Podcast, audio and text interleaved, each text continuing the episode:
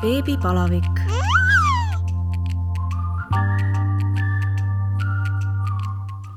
tere tulemast kuulama Õhtulehe podcasti Beebipalavik. Mina olen saatejuht Katariina Toomemets ja täna on minu külaliseks taas kord või endiselt lasteõde Hanna, kellega ma juba, kellega me juba eelmises saates rääkisime erinevatest haigustest, probleemidest, mis lapsi taba, tabada võivad ja täna me jätkame sellel samal lainel. tere jälle, Hanna! tere! ilma pikema sissejuhatuseta ma lähen kohe edasi ja võtame ette teema oksendav laps, mis äh, on ka vane, lapsevanema jaoks äh, nagu vist tegelikult kõik äh, haigused väga hirmutav. mida teha, kui laps hakkab oksendama mm?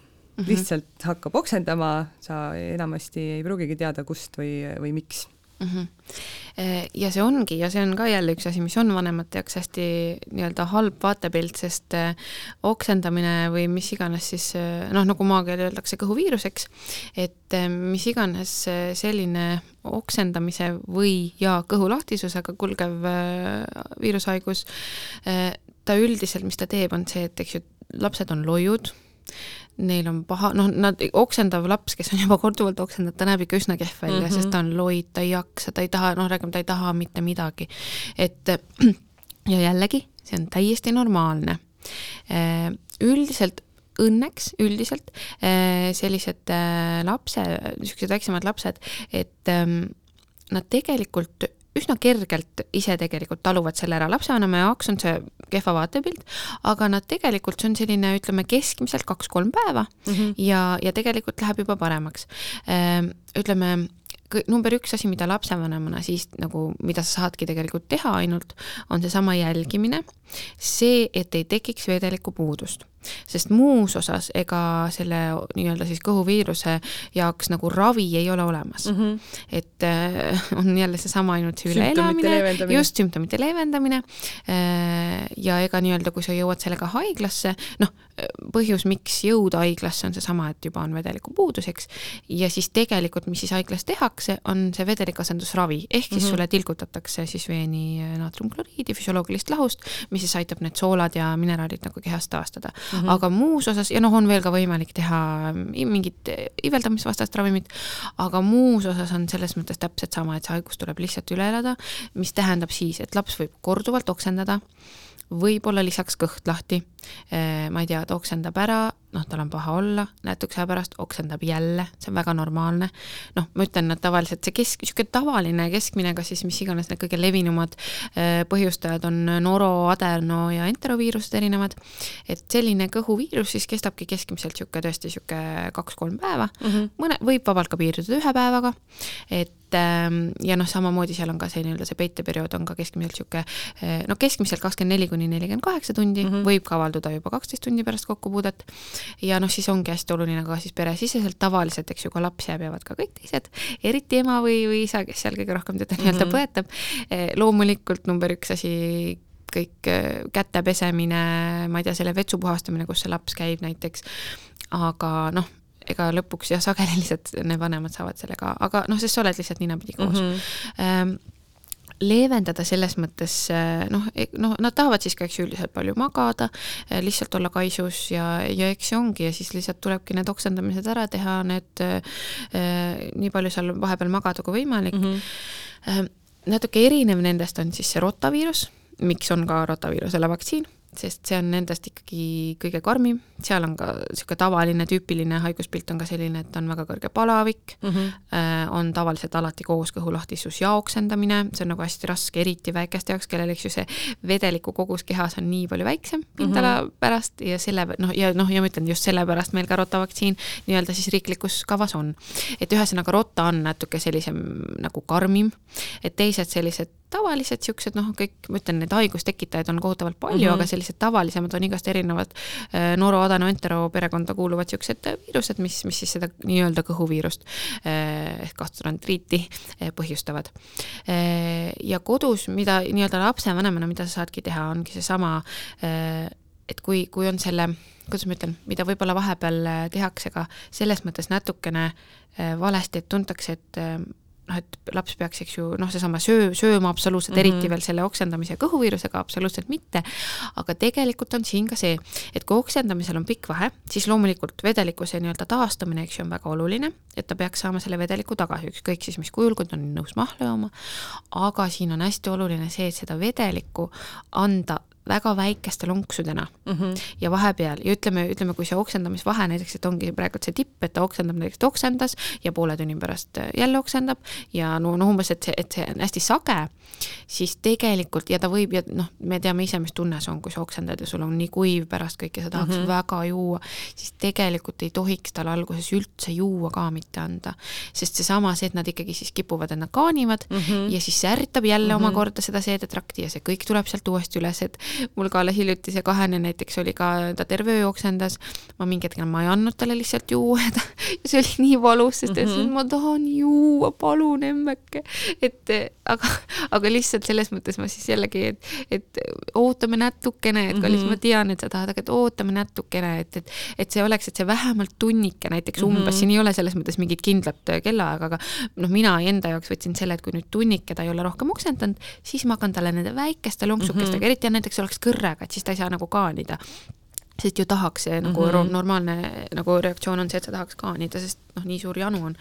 aga et, et jah, ja kui siis nii-öelda on juba hea ja näiteks lapsel sa näed, et juba noh, see nii-öelda okseviirus on siis nii-öelda natuke justkui võib-olla seljatatud, et siis nad hakkavad ju tahtma süüa ja võib-olla mm -hmm. igasuguseid asju, siis noh, tegelikult ikkagi ei tohiks kohe mingisuguseid, ma ei tea, rasvaseid mm, -hmm. ma ei tea, praekartuleid anda, et ikkagi needsamad, need banaan näiteks, röstsai, lihtsalt sellepärast, et ta ise võib tahta, aga see magu ikkagi ei jaksa mm -hmm. veel, et ta tahaks natukene sellist pehmemat eh, nii-öelda algust et äh, aga jah, muidugi muus osas, kui on juba ka see parem, ei ole enam see nii tihe oksendamine, siis näiteks apteekides on müüdavalt need igasugused erinevad need äh, rehüdreerimislahused, no põhimõtteliselt need pulbrid, eks ju, millest sa saad siis teha sellist äh, noh, vet-, vedelikku, kus on siis need äh, igasugused mineraalid mm -hmm. ja mhm. soolad, et see nagu elektrolüüte siis nagu taastab, sest see kadu ikkagi on üsna suur selle mm -hmm. oksendamise ja, või, ja või kõhulahtisusega.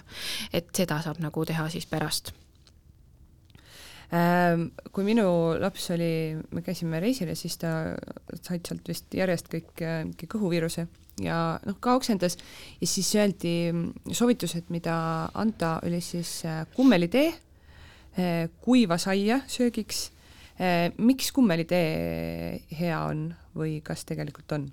no mina ütleksin selles mõttes, ähm, et et seal jah, siin on ju täpselt, et ravimtaimed on samamoodi ju, ju ravimid ja see on kuskilt, aga, aga selles mõttes ma ütleks, et sellise ka, ka näiteks selle kõrge voolavikulise haigestumise ajal, et tegelikult ei ole otseselt vahet, mis vedelik see on mm -hmm., peaasi, et oleks vedelik.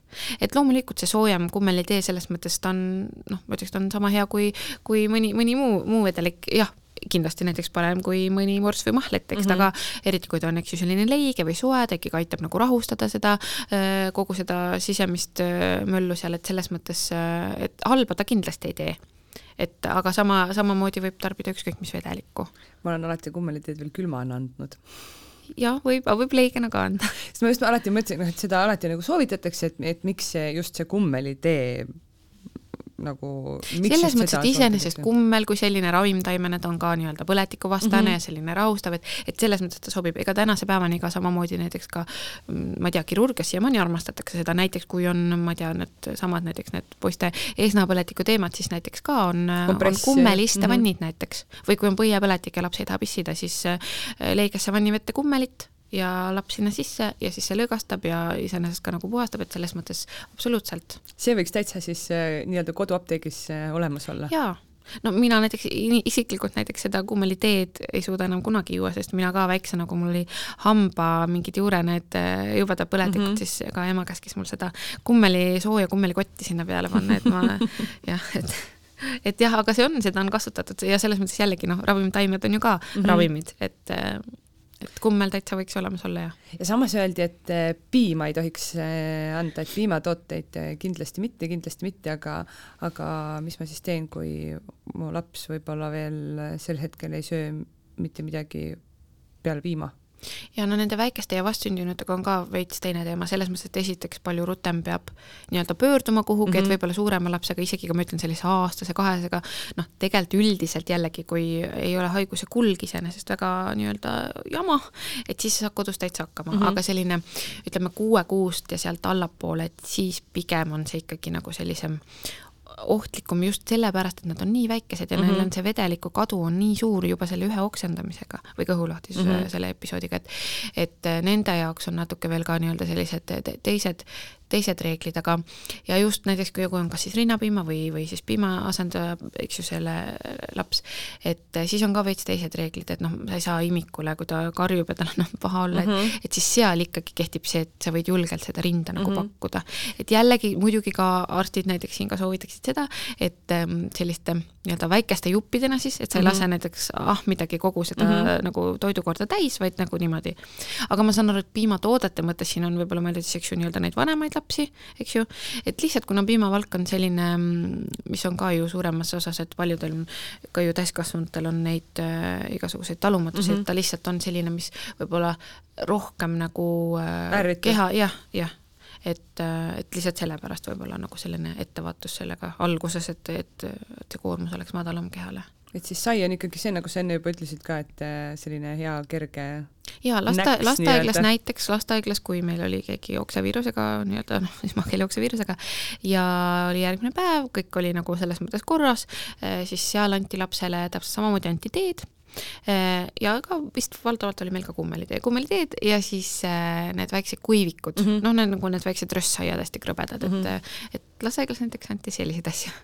aga millal peaks siis oksendava või siis ka kõhulahtisusega lapsega reaalselt minema kas haiglasse või, või kiirabi kutsuma?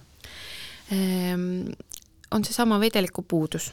ja kuidas sellest aru saada, just, jah, et kuidas sellest aru saada, no väga väiksematel on see veel keerulisem, sest sa justkui pead jälgima, eks ju, neid, et oleks, no põhimõtteliselt kuidas kuidas see on see, et see vedeliku kadu ei oleks, et või et sa, kui sa näed, et see on juba liiga suur, mm, noh, väga väikestel näiteks, see lõge näiteks läheb mm -hmm. auku, mis siin pea peal on, see näitab, et nii, nüüd on nagu jama.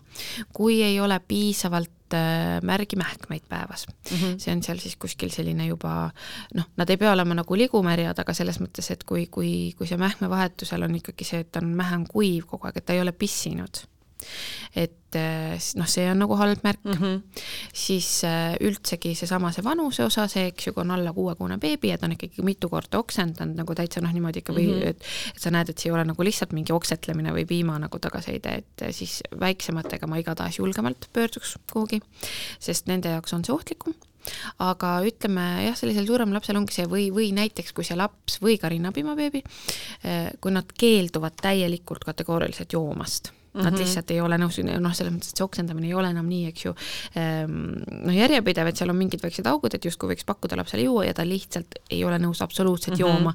noh, siis on jama, sest seesama asi, et see vedelik tuleb pärast kuidagi taastada ja kui ta ei ole nõus seda võtma, noh, siis sa ei saa, siis selles mõttes siis ongi, siis on see tilkinfusioon on siis järgmine variant mm. -hmm. et kui nad täiesti keelduvad joogist, kui nad on, ja see ka muidugi, et kui lisaks näiteks sellele oksendamisele ja palavik, oksendamisele ja, või kõhulahtisusele on äh, väga kõrge palavik või näiteks kui oksendamine on olnud kaks päeva, tundub, et on juba väga hästi, äh, laps justkui on terve ja näiteks kolmas päev ja hakkab uuesti oksendama või mm -hmm. nüüd mhm. on palavik ka. või noh, et kui midagi nagu nii-öelda muutub kehvemaks, kui midagi tuleb juurde, kui laps on väga loid, et see mingi, jälle seesama, et see osaline loidus on täiesti okei okay,, eks ju mm -hmm., oksendamise ajal, aga no ma jällegi arvaks, et siin on see mingi jälle see üks faktor, et kui sina lapsevanemana saad aru tegelikult, et nüüd on nagu halvasti mm, -hmm. et ma ei tule nagu, et ma olen teinud kõik, mis peab tegema. Äh, ja ma nagu kuidagi saan aru, et see ei ole nagu ikka õige, et siis kindlasti ka, et see on üks põhjus, miks, miks tasub pöörduda kuhugi, sest, äh, sest nagu noh ma, ma, ma ikka, ma arvan, et ikkagi lapsevanematel on see mingi kuidagi mingi selline tunnetuslik osa mm, -hmm. sest pluss ka see, et sina oled enda lapsega kogu aeg koos. et näiteks absoluutselt on ju kõik need nõuandeliinid ja näiteks mm -hmm. perearsti, pere, kus siis kas perearsti või pereõed võtavad vastu, helist nagu nii-öelda siis vastavad, see üks, kaks, kaks, null, et äh, siin jääb alati see määramatus, et nemad ei näe su last mm. -hmm noh, perearstiga on veel küll see faktor, eks ju, et tema teab su kõike haiguslugu ja ta nagu noh, aga ikkagi sa nagu sa ei saa läbi, sa ei saa kunagi nagu täielikult seda vastutust võtta, miks ka, miks ka sageli näiteks seal ikkagi seal liini peal ka lõpus, noh, kui nende ees, kui keegi jõudis meie juurde haiglasse, siis nad ütlesid, et aa, meil nagu soovitati tulla mm -hmm. siia. ja nad peavadki selles mõttes mingil määral alati seda ju ütlema, sest nad ei saa võtta endale seda vastutust, et mm -hmm. ma ei mhm. näegi su last, et ma mm -hmm. tegelikult ju ei saa öelda, et jaa, kõik on okei okay, ja koju mm, -hmm. et siis on ka alati nagu see lause, et noh, muidu idee poolest ma ütlen sulle, ma ei tea, mis on norm, miks tegelikult võib-olla ei oleks vaja praegu tulla, aga ikkagi, kui sina tunned mm, -hmm. siis noh, see on ka nagu argument, et, et just eriti see, kui sa võib-olla tead, eks ju, see on juba mitmes päev, aga noh, niisugused nii-öelda kuldreegel on jah see, et kui, kui laps kas keeldub juba joogist, on väga väike beebi lihtsalt üleüldse mm, -hmm. midagi tuleb juurde, kõrge palavik, olukord läheb hullemaks näiteks, et enne oli oksendamine niisugune okei okay,, nüüd hakkab lihtsalt nagu liini peal oksendama, et need, need on nagu need, sest lihtsalt see võibki viidata sellele, et, et nüüd ikkagi tekib vedeliku puudus mm -hmm. ja noh, siis on selles mõttes vaja last aidata, ehk siis see vedelik asendada nagu. Äh, räägitakse siis täiskasvanute puhul väga palju sellest, et et äh, kiirabil on käed-jalad tööd täis ja, ja kutsutakse kiirabi või siis tõesti minnakse EMO-sse, noh, selliste väikeste probleemidega. kuidas lastega on, äh, kas on seal mingi piir, kust äh, on aktsepteeritav kutsuda lapsele kiirabi või, või minna EMO-sse või on see ikkagi, nagu sa ka ütlesid, et, et kui sulle tundub, et, et peab, siis peab? nojah, see on ka, see on jälle nii ähm nii selline õrn ja keeruline teema mm -hmm. selles mõttes, et siin ei saa jälle õiget-valet, musta-valget nagu otseselt ei ole. jah, on mingid selged asjad, millega me saame öelda, millal peaks minema EMO-sse või kiirabisse, need ongi ju, eks ju, need väga rasked äh, noh, idee poolest ka, mis EMO on, on ju, eks ju, selline nii-öelda, kui on, kui ilma abita saamisel oleks oht inimese elule, siis on vaja sinna minna mm. -hmm noh, ma ütleks, et lastega on veel isegi teistmoodi, sest ma ütleks, et lastega, esiteks lastehaigla EMO-st mitte kedagi ära ei saadeta meil ju nagu selles mõttes, et mitte kedagi ei saadeta ära, ükskõik mis murega sa tuled, sest lihtsalt see ei ole nagu kuidagi eetiline või noh, selles mõttes, et see mhm. noh, me ei ole nagu lapse puhul ei ole võib-olla nii lihtne seda ka hinnata, eks ju.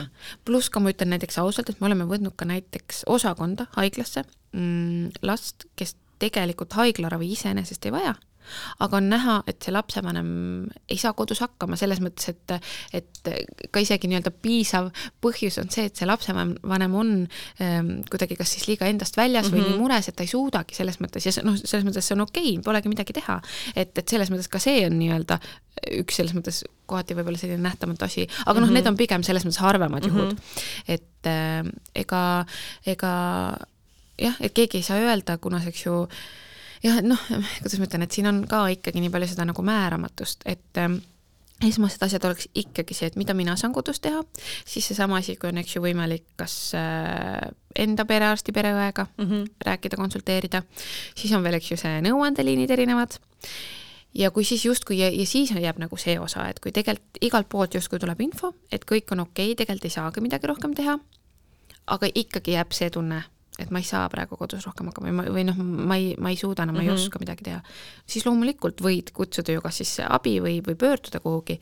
teine asi on see, et ehm, ja, ja noh, kuidagi, et see, et et isegi kui nii-öelda jälle seesama asi, et võib-olla ei olegi see põhjus niivõrd palju lapses, selles mõttes, et mm -hmm. ravi mõttes keegi ei saagi väga palju enamat teha, aga kui sa tunned, et sa nagu noh, nüüd on kõik, ma ei noh, ma ei saa hakkama mm -hmm. praegu, ma ei tea, et siis, siis see on ka nagu piisav põhjus et loomulikult hästi sageli ikkagi tegelikult see justkui laheneb nende samade teadmiste jõul, et seesama, et kui sa ikkagi okei okay,, sul on mure, sa saad siit mingi info, sa küsid enda, ma ei tea, tervisespetsialisti käest, nad kõik ütlevad, et see praegu tundub okei okay,, aga mm -hmm. jälgime, kui midagi muutub, noh, tavaliselt öeldaksegi ka ju neid asju, et noh, praegu on nagu see, see on okei okay. mm, -hmm. kui noh, me võtame ka siin näiteks palavikud, ma ei tea, oletame niisugune klassikaline stsenaarium, see jääb nädalavahetuse peale, reede, ma ei tea, reedel on tegelikult võib-olla alles, ma ei tea, teine päev, kõrge mm -hmm. palavik, midagi ei olegi teha, on ju, aga see nii-öelda see haripunkt jääb sinna nädalavahetusele, kus perearsti ei ole, kui on ikkagi püsivalt kõrge palavik, neljas haiguspäev, noh, siis tegelikult tuleks, eks ju, juba vaadata, et kas mm -hmm. äkki on midagi bakteriaalset, et noh, siin on alati nagu need, et siin on nagu nii palju nagu selliseid erisusi, et siis ka lõpuks selles mõttes, kui sul ei ole enam muud valikut, no siis sa pead, et justkui asi, millega sa nädala sees võib-olla, eks ju, sa noh, sul ei ole tegelikult vaja otseselt EMO-sse minna mm, -hmm. aga mhm. nädalavahetusel noh, ütleme, sul on ongi seesama, näiteks sul on, langeb nädalavahetuse peale neljas hästi kõrge palavikupäev mm, -hmm. sul on sinna veel midagi, mingi sümptom juurde tulnud, lapsel on noh, sa näed, et on nagu kuidagi kehvasti, no siis sa lõpuks, sa lähedki lihtsalt EMO-sse, sellepärast et nagu noh, nüüd on nagu halvasti, et enne nagu ei olnudki. et ähm, jah. võib-olla üks äh, täiesti äh, rumal küsimus äh,, aga kas äh, lapsega võib ka minna näiteks sinna keskhaigla EMO-sse, et on küll lastehaigla EMO, aga eh, tunnistan, kui mu laps oli esimest korda okseviiruses ja öeldi, et noh, et kui ikkagi väga halvaks läheb, et siis EMO-sse, siis ma oleks esimesena sinna sõitnud. ega ma ei mõelnud selle peale, et lastehaigla EMO on ja noh, ega sealt liinilt öeldi lihtsalt, et EMO-sse, mitte et minge lastehaigla EMO-sse ja siis lihtsalt üks hetk kuidagi tuli jutuks, et noh, lastehaiglal on oma EMO, EMO ja siis ma hakkasin mõtlema, et okei okay,, et see on täiesti loogiline, et sa lähed mm -hmm. ikkagi lastehaiglasse. et äh, kui peaks olema tõesti nii, et äh, ma nüüd lähen sõidan sinna keskhaigla EMO-sse, kas mind saadetakse ära sealt või ikkagi võetakse oleneb, vastu? mis, mis, mis mure näiteks ka on, aga, aga üldiselt jah, on ikkagi niimoodi, et see kuidagi see nii-öelda siis laste spetsialiteet on ikkagi nagu, kuna meil on see olemas, näiteks noh, maakonnaaeglates on ju kõik ühes kohas mm, -hmm. sest seal ei olegi lihtsalt nagu sellist. samas näiteks ma, mida ka võib-olla paljud ei tea, näiteks on siis see Lääne-Tallinna Keskhaigla see nakkuskliinik mm, -hmm. tegelikult ka ütleme, selliste norode asjadega, niisugused natuke suuremad lapsed, tegelikult ka eriti sellisel kõrgel viirushooajal et tegelikult ka nemad saadetakse üldse ka lastehaigla EMO-st vahepeal sinna mm. -hmm. sest see on ka niisugune nii haigusspetsiifiline asi, et see noh, ta on hästi nakkav, on ju, ja kui seal on veel lisaks kõikide muude muredega lapsed mm, -hmm. et siis kuidagi seal toimub ka jälle see super hästi see pisikute ja kõikide nende vahetamine. aga ühesõnaga jah, Tallinnas on ikkagi see koht on nagu lastehaigla ja kiirabiga ikkagi alati toob lastehaiglasse mm -hmm. ja selles mõttes, no muidugi siin on jällegi, siin on näiteks need erisused, kui on sellised vanemad lapsed, näiteks mhm. viieteistaastane, kes tegelikult on ju laps no, aga et selles mõttes, et siin on jah, need osad, et siis, siis juba võetakse ka näiteks PERH-i ja, ja veel ka eriti nii-öelda haigusspetsiifilised, näiteks kui ütleme, viieteistaastasel tüdrukul on, ma ei tea, mingisugused noh, ma ei tea, günekoloogilised probleemid mm, -hmm. et siis ka absoluutselt siis lastehaigla ei olegi nagu see esmavalik mm, -hmm. et mhm. või ka psühhiaatriliste probleemidega, et on ju ka igasuguseid neid lastehaiglas ka, et mm, -hmm. et siis ka seal hästi vanuse järgi nagu vaadatakse. aga ma just mõtlengi no, aga kui kolmesel puhul... on näiteks palavik, siis lastehaiglasse, jah okei okay., väga hea, et kui on veel äh, minusuguseid, siis teadki, et on olemas lastehaigla oma EMO ja ei ole vaja keskhaiglasse sõita. või küll sinna ei jõudnud, aga, aga jah no laste puhul on väga oluline see, et äh, mitte oluline, vaid väga sage see, et nad kukuvad, nad kukuvad sirge maa peal, nad kukuvad alla diivanilt, äh, kapi otsast, ma ei tea, õues, mänguväljakul. Ja tihti ka juhtub see, et kui ta sealt ikkagi pea ees alla kukub, siis ta ei pruugi isegi võib-olla enda jaoks tuntavalt seda pead nii kõvasti ära lüüa, aga, aga kolme sekundiga tuleb sinna äh, nii suur muhk, et, et sa juba haarad telefoni ja, ja hakkad eh, nagu kiirabi kutsuma, et eh, ütleme siis nii, et kui laps kuskilt eh, kukub pea ees alla, verd ei voola, aga, aga no jõhker muhk tuleb.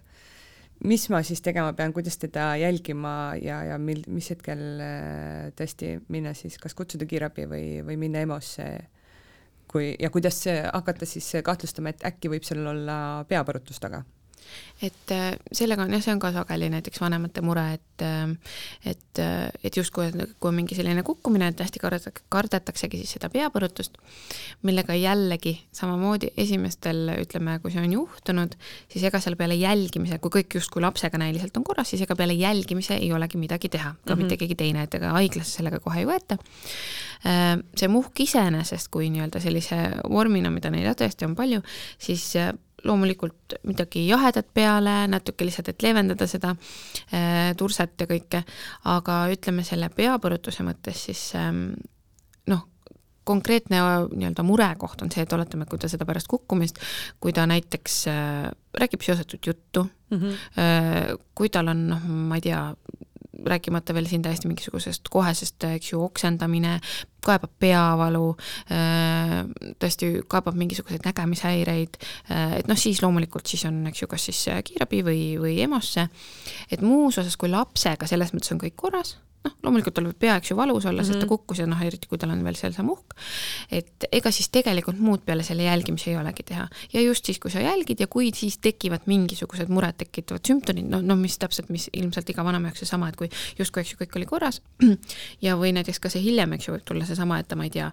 ta ei saa aru mingit, mingitest asjadest või mm, -hmm. või, või ongi, tekib siis see oksendamine või ta kaebab hästi tugevat valu, äh, peavalu, noh, ma ei tea, silmades on midagi, et et siis, et siis loomulikult ja siis tulekski nagu pöörduda kuhugi või, või otsida abi, et muus osas, kui lapse enda üldseisund on nagu kõik okei okay,, et siis ega ei olegi nagu mida, midagi teha. Aga miks see muhk selline tuleb?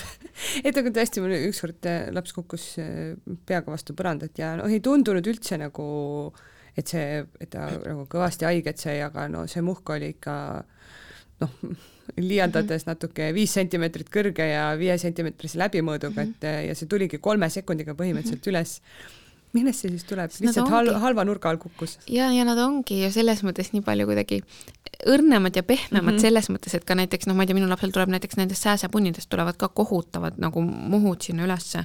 et ja see näebki väga halb välja, aga lihtsalt seesama, see, et nad on kuidagi palju tundlikumad sellistele mingisugustele ja noh, ikkagi nii-öelda see, see väike nii-öelda trauma on ju seal ikkagi kehas mm -hmm. nagu selles mõttes tekkinud, et ka samamoodi ju need sinikad, nad, nad on ju ka kogu aeg sinikaid täis, sest lihtsalt mm -hmm. need veresooned, need seinad on nõrgemad, nad lähevad lihtsalt kuhugi vastu ja buum ongi niisugune suur sinikas. et aga noh, jällegi see on ka selles mõttes täiesti nagu normaalne näha, et siis saab saabki lihtsalt midagi jahedat panna peale, et natukene seda siis paikset valu siis nagu leevendada mm. -hmm kas lastel äh, paranevad haavad ja sinikad ja igasugused sellised asjad, sellised asjad kiiremini kui täiskasvanutel?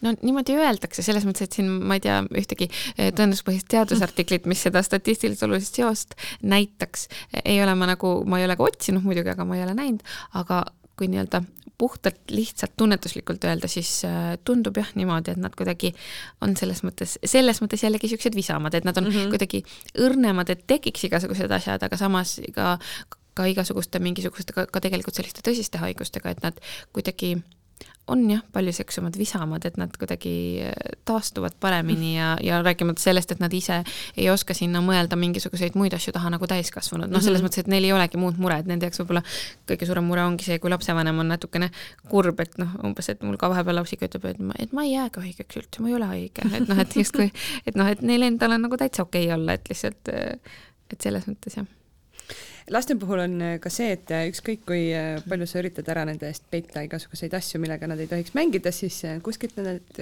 ikkagi saavad kätte telekapult, ma ei tea, patareid, pesukapslid, nõudepesumasina vahendid.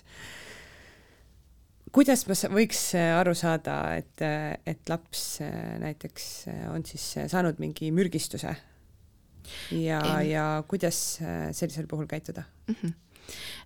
jah, äh, näiteks number üks siis nii-öelda põhjus laste mürgistusteks alla kolmeaastaste laste seas on, ongi needsamad pesukeelikapslid ja see on väga loogiline, sest need kapslid on väga, need lõhnavad hästi mm, -hmm. need on nii mõnusad pehmed, absoluutselt nagu kommid, et selles mõttes ja jällegi noh, muidugi igal pool öeldakse ja ma võin ka selle ühe, ühe korra üle öelda, aga ma arvan, et kõik ju selles mõttes teavad seda, et mürgistuste esimene ravi on nende ennetamine mm. -hmm. ehk siis noh, seesama, eks ju, et ei ole, ei panda valedesse pudelitesse asju, need ei ole lastele kättesaadavad, igasugused ravimid, eh, noh, meil ka, kuidas, mis meil palju näiteks jõudis, on, kui maal vanaema juures näiteks lapsed olid ja nad olid kuskilt mingeid ravimeid saanud kätte ja neid söönud mm. -hmm. et ka võib-olla vanavanematele öelda, et need asjad kuhugi tõesti ära panna, need ravimid ja, ja sellised asjad, et sest noh, see on ka ainuke asi, mis me tegelikult selles mõttes saame teha mm. -hmm. et siis on juba pärast on see tagajärg, et siis sellega tegeleda, et siin on see, et noh, patarei puhul näiteks, ma ei tea, võib-olla paljud on näinud ka, ringleb väga palju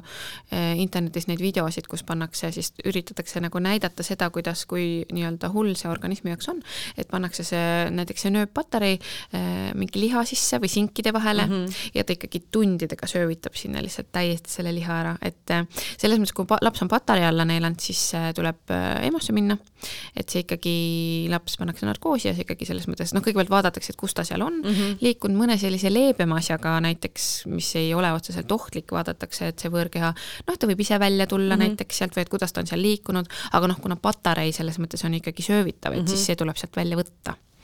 aga need näiteks need pesukeelikapslid, noh, äh, ütleme nii, et äh, üleüldse nende mürgistustega on see, et sa ju mõnikord on lapsevanematel see, et nad ei teagi üldse, kas ta on üldse midagi võtnud mm. -hmm. Ja võib-olla need noh, mõne, mõni laps ütleb, et aa, ma sõin seda, aga, aga teine võib-olla aga noh, sa kuidagi saad, eks ju, aru nendest, et need asjad on kuskil, muidugi keeruline no,, meil on ka näiteks jõudnud, kui ongi, et need tabletid on, eks ju, kuidagi laiali, sa ei tea, kas ta on sealt midagi võtnud mm, -hmm. ta ei oska mhm. öelda ka, kas ja, ta võttis või ei tea, kas seal oli kümme või viisteist tükki, on ju. just, et niimoodi on meil nagu tuldud kontrolli, samas see sama asi, et kui nii-öelda ise ka ei tea, et siis algul nende ravimitega on ka see, et eks ju seal oleneb täpselt, mida ta võis võtta mm, -hmm. et kui, mis, mis need ravimid nagu konkreetselt teevad ja kuidas ohtlikkus ja siis selle põhjal nagu otsustatakse, kas jäädakse jälgimisele või noh mm, -hmm. aga ütleme, kui me tuleme nüüd tagasi selle pesukeelikapsli juurde, siis äh, tegelikult nagu ka muude mürgistuste puhul, kus on mingit ainet nagu tarbitud, siis see kõige tähtsam asi, mida vanasti öeldi, et tuleb, äh, eks ju, näpud kurku panna ja oksendamise,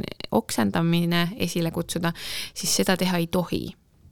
Et äh, ütleme, sa näed, laps on seda pesukeelikapslit söönud, siis veega lihtsalt puhastad kõigepealt suu, äh, riided, noh, võtad nagu selle ära, noh, kui on natuke vanem laps, niisugune viiene, ma ei tea, näiteks või noh, see on muidugi rohkem tegelikult alla, alla väiksemate laste probleem, aga ütleme ka see näiteks kolmene, et sa siis palud võib-olla õnnalt suud loputada mm. -hmm. aga oksendamist ei tohi esile kutsuda, kui ta ise hakkab oksendama, loomulikult sinna ei ole midagi teha, ega sa ei saa nagu seda ära hoida, aga miks ei tohi nii-öelda ise esile kutsuda, on seesama, et see söövitav aine on tuleb läinud ühe korra alla mm -hmm. ja ta tuleb seda täpselt sama rada pidi ülesse ehk siis ta kahjustab teist korda kõiki mm -hmm. neid organeid ja lisaks on veel see, et uuringud näitavad, et tegelikult see sisu, maa sisu, mis sa saad selle oksendamisega kätte, on kuskil mingi viis protsenti, ehk siis see nagu noh, need plussid-miinused, et see pole mm -hmm. seda väärt, et see oht sellest, et see aine teist korda teeb kahju, pluss äkki satub kuhugi hingamisteedesse mm, -hmm. võib lämbumisoht tekkida, et see nagu ei kaalu seda potentsiaalset kasu siis üle, et ei tohi nagu panna näppe kurku, ei tohi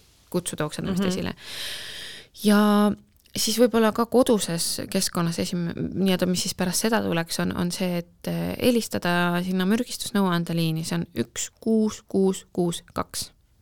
ja seal töötavad absoluutselt eh, mürgistusteemade spetsialistid, kes puutuvad sellega igapäevaselt kokku ja siis äh, nemad annavad edasi nagu täpsed juhised, et mm -hmm. mida teha, kas peaks kuhugi minema, kas ei peaks, mida nüüd edasi vaadata, sest ma ütlen ausalt, et ka isegi EMO-s, kui siis olid mingisugused väga spetsiifilised mürgistused, ka meie enda arstid näiteks helistasid ka sinna mürgistus mm -hmm. sinna, sest nad puutuvad sellega iga päev kokku kõikide mm -hmm. nende asjadega. et äh, ja sinna on minu meelest võimalik ka välismaalt helistada, äh, seal oli siis mingi muu see, noh, neil on ka koduleht olemas mm, -hmm. et see mhm. mürgistusteabekeskus, et kindlasti, et see noh, see on nagu see asi, et kohe, kui midagi toimub, okei okay,, ma teen lapse puhtaks ja ma helistan sinna ja küsin, et mis ma nüüd nagu edasi teen, et on sellised, sellised asjad ja, ja ega seal ka näiteks, kui me võtame selle pesukeelikapsli, ega seal väga ei olegi midagi mm -hmm. edasi teha, et see, see jälgimine ja, ja noh, osad vajavad ka, eks ju, haiglaravi täiesti, noh, sõltub, sõltub eh, konkreetsest olukorrast, aga seda saabki, seda tulebki siis nii-öelda hinnata mm. -hmm. aga kindlasti ikka kohe helistada või võib ka nii teha, et, et ma lihtsalt vaatan ise no mina ikkagi soovitaks helistada, selles mõttes, kui eriti, kui see võimalus on nagu olemas mm -hmm., kasvõi see, et sa saad selle rahu, et okei okay,, et ma jälle samamoodi, et ma teengi õigesti mm, -hmm. praegu ei saagi midagi teha, lihtsalt jälgin, et ikka on hea nagu see kinnitus ja mm, -hmm. ja mhm. selles mõttes, et selle, selle jaoks ju nemad seal ongi ja nad mm -hmm. tõesti nagu on täpselt selle valdkonna nagu spetsialistid, et, et mina ka helistaksin sinna näiteks ise, et aga kuidas selle patareiga on, kuidas ma võin aru saada, et noh, tõesti, kui kui laps on selle nööppatarei alla neelanud, äh, üldiselt puldi sees seda ei ole, ma võib-olla ei panegi tähele, et see kuskilt kadunud on, on ju.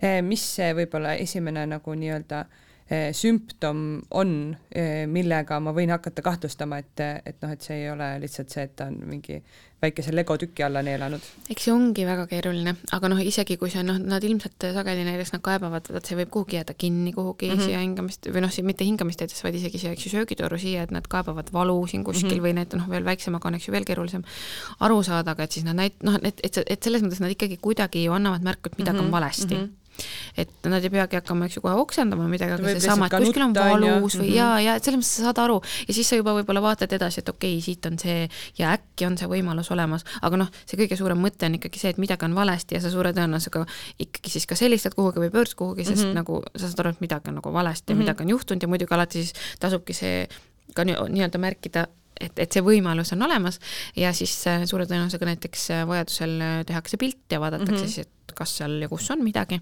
ega ka teiste võõrkehadega lihtsalt, et, et ka siis on see, et noh, need võivadki jääda kuhugi kas kinni või, või, või selles mõttes, et siis noh, nad ikkagi kaebavad mingisugust mm -hmm. muret üldiselt mis on äh, kõige suuremad äh, probleemid või asjad, millega äh, lapsed EMO-sse jõuavad, kas see on ikkagi, on nagu traumad või, või on ikkagi sellised tõesti haigestumised?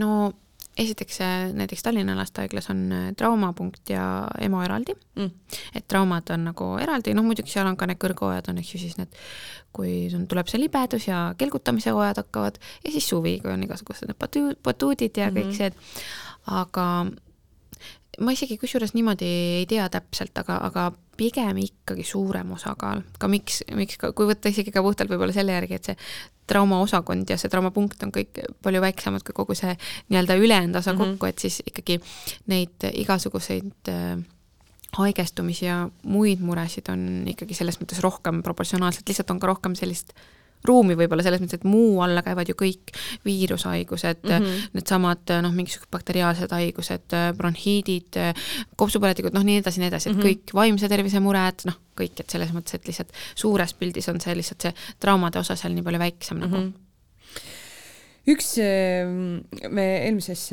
episoodis rääkisime palavikukrambist, aga üks asi, millega mina kahjuks olen kokku puutunud ja ütlen, et räigelt hirmus ka on äh, nutukramp, mis on täpselt selline asi, mitte keegi sellest kunagi ei räägi ja siis, kui sul äh, lapsel see esimene hetk äh, kätte juhtub, siis siis sa helistadki üks, üks, kahte, kuigi tegelikult tuleb välja, et see ei ole üldse suur probleem. mis asi nutukramp on ja miks see tekib? See on ka selles mõttes sarnane noh, nagu eks ju kõik need krambilised mured, et Äh, tekib väga järsku. Äh, seal on see, et ka, et otseselt jällegi mitte midagi teha ei ole.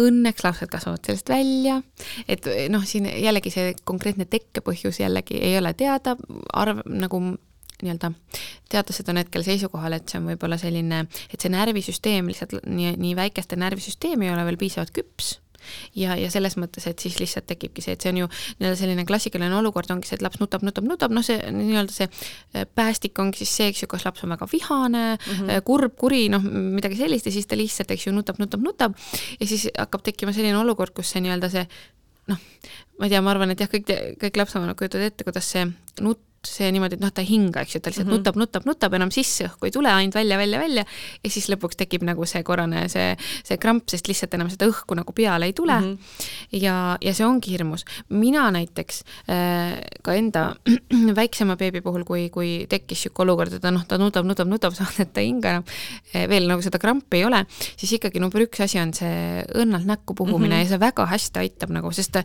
siis tal tuleb kuidagi füsioloogiliselt see nagu see noh, see nagu paus, jah, et ta niimoodi siis järsku kuidagi tõmbab nagu õhku, et see üldiselt väga hästi aitab et ma olen seda ka ise niisama nii-öelda emana väga paljudele enda sõbrannadele mm -hmm. soovitanud, et kui tekib see, no eriti just väga väiksed kipuvad niimoodi lihtsalt ja kui suurematel natuke on see, siis ma ütleks ka, et selles mõttes ükski laps ei suuda seda meelega teha mm, -hmm. selles mõttes, et see ei ole mingi asi, et nii noh, nagu ma ei tea, võib-olla ja, ja, ja et lihtsalt see lihtsalt nagu, et nad ei tee seda meelega ja, ja selles mõttes, et ja see ka üldiselt, see hoog kestab selline vähem kui veel mingite palavikrampidel, et alla minuti aga noh, ma ütlengi, ma saan aru, lapsevanema jaoks on need hetked ikkagi niisugused igavikulised, et kui pärast küsiks, siis ütleks, et no ma ei tea, kümme minutit oli mm -hmm. niimoodi.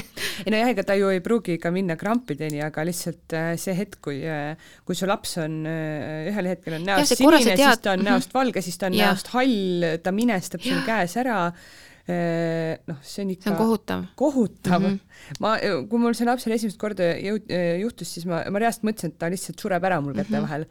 ja ma jõudsin vali-, äh, juba telefonil ära valida üks, üks, kaks, aga ma ei jõudnud veel äh, helistada, helistamise nuppu vajutada, sest ma nägin, et tal noh, värv hakkab näkku tagasi tulema mm -hmm. ja ja noh, see oli ikka jube, teist korda kui juhtus, siis, siis ma ei läinud enam üldse nii paanikasse. siis ma juba teadsin ka seda näkupuhumise trikki ja ja lihtsalt ootasin, et, et üle läheb. meil ka nagu see hästi aitas, et kohe, kui oli näha, et ta nüüd juba enam seda õhku peale ei võta ja mm -hmm. nutab, nutab, nutab, et siis ka me ikkagi nagu puhusime ja üldiselt mm -hmm. see nagu aitas. aga jah, sellise nii-öelda, seda kutsutakse selliseks siis nagu siniseks nutukrambiks seesama, see, et ta nutab, nutab, nutab, on ju, siis järsku läheb niisuguseks siniseks näost, siis juba valgeks, siis tekib tekibki korraks nii-öelda see ühekordne see kramp, nii-öelda see äravajumine mm, -hmm. see, et ta ongi täitsa nagu nii-öelda siis noh, ongi minestuskramp mm -hmm. selles mõttes, et ja, ja siis nagu hakkab toibuma vaikselt aga ja, ja nendel on ka selles mõttes selliseid erinevaid äh, nii-öelda väljundeid on ka selline nii-öelda, mida nimetatakse valgeks nutugrammiks mm, -hmm. et seal on ja võivad olla ka veel koguni sellised tõmbluse moodi, mis sarnaneb väga epilepsiaga mm. -hmm. et selles mõttes ja noh, kui, kui mingi noh, kui on ikkagi juba siis see teine, see, et on pikemalt mingisugused mured, noh, no ega siis on ka see, et alati ju saab kuhugi helistada mm -hmm. või mhm. kutsudagi ka kiirabi, et isegi kui on see mure, loomulikult siin on see noh, et mina arvan, et mõnes mõttes on isegi see, et okei okay,, sul on see teadlikkus, aga noh, me keegi ei tea, kuidas me sellises nagu kriisisituatsioonis mm -hmm. käitume, sest nagu noh, ma ei tea, äh, minul on olnud ühe korra päris enda elus niisugune olukord, kus siis selline äh, kuuekuune laps, endal, minu enda laps mm -hmm. hakkas lämbuma Äh, võõrkeha hingamisteedes, ta oli äh, vanema lapse toast äh, kõva sellise täpselt hingetoru suuruse sellise superhea tüki, kleepsu leidnud mm. -hmm. noh, me ei teadnud muidugi, mis seal on, ma lihtsalt järsku teisest toast kuulsin, et see hääl on väga vale mm. -hmm. ja see oli ka täiesti kohutav. jah, mina, kuigi me olime abikaasaga koos, me kohe hakkasime siis seda noh, koputusi tegema, eks ju, siis seljale ja ette, ta ausalt öeldes läks üha sinisemaks ja loiumaks mm, -hmm. ega mina ka, ma tegutsesin, aga ma ikkagi selles mõttes, mul abikaasa suutis jääda väga rahulikuks, mina ikkagi korrutasin, et okei okay,, et mis me nüüd teeme mm. -hmm. mis noh, selles mõttes, et, et tegevuse mõttes ma tundsin, et nüüd ma pean ka põhimõtteliselt kohe varsti hakkama kiirabis helistama ja hakkama elustama ja selles mõttes see osa, et absoluutselt mul on ka kõik teoreetilised teadmised ja võib-olla veel ka nii-öelda see osa, et kui ikkagi oma lapsega midagi mm, -hmm. see on ka teistmoodi ja isegi ja mitte ainult see, mõnel, ma tean ka mõnda tervishoiutöötajat, et selles mõttes, et kui ongi see esimene näiteks mis iganes elustamissituatsioon või, või sa näiteks tänaval näed, siis ausalt öeldes mõnel läheb kiirabinumber ka meelest ära mm -hmm. ja ma ei mõtle, noh, mitte küll ainult, eks ju, tervishoiutöötaja, ükskõik kes, et sa võid mm -hmm. väga hästi teada, mille pärast on ka hästi oluline kõiki neid, ka neid esmaabi ja neid teemasid mingi aja tagant nagu korrata mm, -hmm. sest siis on vähemalt nagu kuskil mälus hoopis olemas, sest kui tuleb see nii-öelda kriisisituatsioon, siis äh, ongi raske mm, -hmm. siis ei teagi, kuidas sa käitud käitud nagu. ja siis sellepärast ongi väga okei okay,, et meil on olemas näiteks ka sellised ju isegi, kui sa helistad ju näiteks sinna häirekeskusesse, mm -hmm. saad mhm. vähemalt mingi esmase nagu tagasiside mm, -hmm. et, et selles mõttes, et hea on, et on sellised nii-öelda kohad olemas ja mm, -hmm. ja noh, siis ma arvan, vaevalt keegi muretsebki selle pärast, et issand, äkki ma helistan ilmaasjata yeah,, sest siis sul on lihtsalt nagu see paanika. aga jah, paraku see nutukramp jällegi täiesti normaalne asi, näeb väga halb välja õnneks lapsed kasvavad sellest äh, välja. kas äh, see kuidagi mingeid selliseid äh, tulevikus võib tekitada mingeid probleeme, ma ei tea, kohe lapsevanema hakkad mõtlema, et ta minestas ära, ta ei saanud õhku, hapnikupuudus, kas ei. tal midagi peas on mm -hmm. pärast korrast ära? seda ei ole kirjandus seni leidnud, samamoodi palavikukrampidega, et, et neid nii-öelda mingeid püsivaid kahjustusi sellest nagu ei, ei teki, et see on selles mõttes jällegi ja jälle paralleel palavikukambiga, et ta on tegelikult selline nii-öelda üsna süütu asi, et ta mhm. laps jääks ja lapsel ei ole valus näiteks ja ja kas või noh, ja siin jälle see palavikukambi paralleel, et ka näiteks palavikukambi hooajal lapsel ei ole valus mm -hmm. ega mhm. mitte midagi, et selles mõttes lapse jaoks on kõik jaa, et lapsel on kõik väga hästi, lihtsalt vanema jaoks on see väga kohutav mm -hmm. ja see ka, et see ei jäta nagu mingisuguseid püsivaid kahjustusi või, või sellised, et ta on ikkagi selles mõttes üsna süütu asi lihtsalt jah, väga, väga kole äh, millised äh, ravimid, oletame siis, et äh, et äh, ma olen, äh, ootan võib-olla oma esimest last või ta on äh, alles sündinud ja siis juba ka vanemate laste puhul, mis peaksid olema need asjad, mis peaks ühel lapsevanemal koduapteegis kindlasti olemas olema kogu aeg? Ehm, see ka muidugi, eks ju, natuke varieerub sõltuvalt lapse vanusest mm -hmm. ja ka tegelikult aastaajast, mis on need nii-öelda aastaaja spetsiifilised asjad. Ehm, mul on ka, mul on tegelikult täitsa valmis, on see vastsündinute apteegi see nii-öelda postitus, et mm -hmm. ma ei mhm. ole seda veel teinud, aga ma isegi olen niisuguse nagu nimekirja teinud, et mida siis võiks enne varuda põhimõtteliselt, kui laps sünnib. et aga noh, sellised nii-öelda üldisemad asjad on ikka seesama, et oleks kindlasti palavik olenda valuvaigesti kas siis noh, algul, eks ju, kui väga vastsündinuga, siis et oleks need kõige väiksemad need küünlad mm, -hmm. mis on need kaheksakümne milligrammised küünlad ja, ja siis kindlasti naatriumkloriid ehk füsioloogiline lahus, mis on ka niikuinii kõikide, kõikide apteekide igas vanuses ju ka joo, sest mm -hmm. noh, ega väga palju muud ju väikelapsega näiteks, kes jääb haigeks, ei olegi teha kui auru mm, -hmm. auru, auru ja sellesama füsioloogilisega. mis ongi see, et kui vähegi võimalik, siis igas, noh, kui on võimalik, siis see inhalaator on ka ikkagi üks asendamatu abimees mm. -hmm. füsioloogilisega samamoodi, eks ju, saab äh, loputada, puhastada nina, äh, vastsündinul, ma ei tea, silmi mm, -hmm. noh, et, et kõik see on nagu üks selline väga lihtne asi, mis alati võiks olemas olla no kraadiklaas, see muidugi ka, eks ju, koos selle palaviku alandajaga. kas selline, millega saab otsa eest mõõta või selline, millega saab kaenla alt mõõta? minul on selline, millega saab kaenla alt mõõta, lastehaiglas ka. ma ei ütle midagi nende mm, nii-öelda kontaktivabade kohta selles mõttes, aga nendega tuleb väga õigesti mõõta mm, -hmm. sest mhm. kui teha näiteks ütleme viisteist mõõtmist, siis äh, see erinevus nende numbrite vahel on äh, selle Äh, kontaktivabaga suurem mm -hmm. kui see, kui sa teed näiteks selle kontakttermomeetriga teed viisteist mõõtmist, siis see erinevus tuleb palju väiksem mm, -hmm. ehk siis selle kontaktivabaga peab väga õigesti mõõtma äh, et noh, mina isiklikult eelistan elektrilist ja, või seda nagu kontaktiga, et ähm, lihtsalt tõesti siis tuleks vaadata seda juhendit seal täpselt, kuidas on, kunas peab mm -hmm. midagi vajutama, kus peab hoidma, sest just seesama, see veaprotsent nii-öelda on niivõrd suur, aga see sõltub konkreetselt mõõtmisest, et kuidas sa mõõdad samas nendega, mis sa kaenla alla paned, eh, enamasti võetakse see sealt eh, välja siis, kui see ju piiksuma hakkab. tegelikult sa pead seda seal ikkagi edasi hoidma. just, et see on jah ka suur mure ja ma ei tea, kust see on tulnud nagu selles mõttes, et et ja kõik teavad seda, see on nagu selline üldine teadmine, et, et noh, ongi piiksub, võtan ära, vaata hakkas piiksuma, võtan ära. et tegelikult ei ole nii, et ta veel no julgelt noh, ongi, võib ise nagu proovida, et pärast piiksumise lõppu ta tõuseb kindlasti paar pügalat mm -hmm. veel, alati.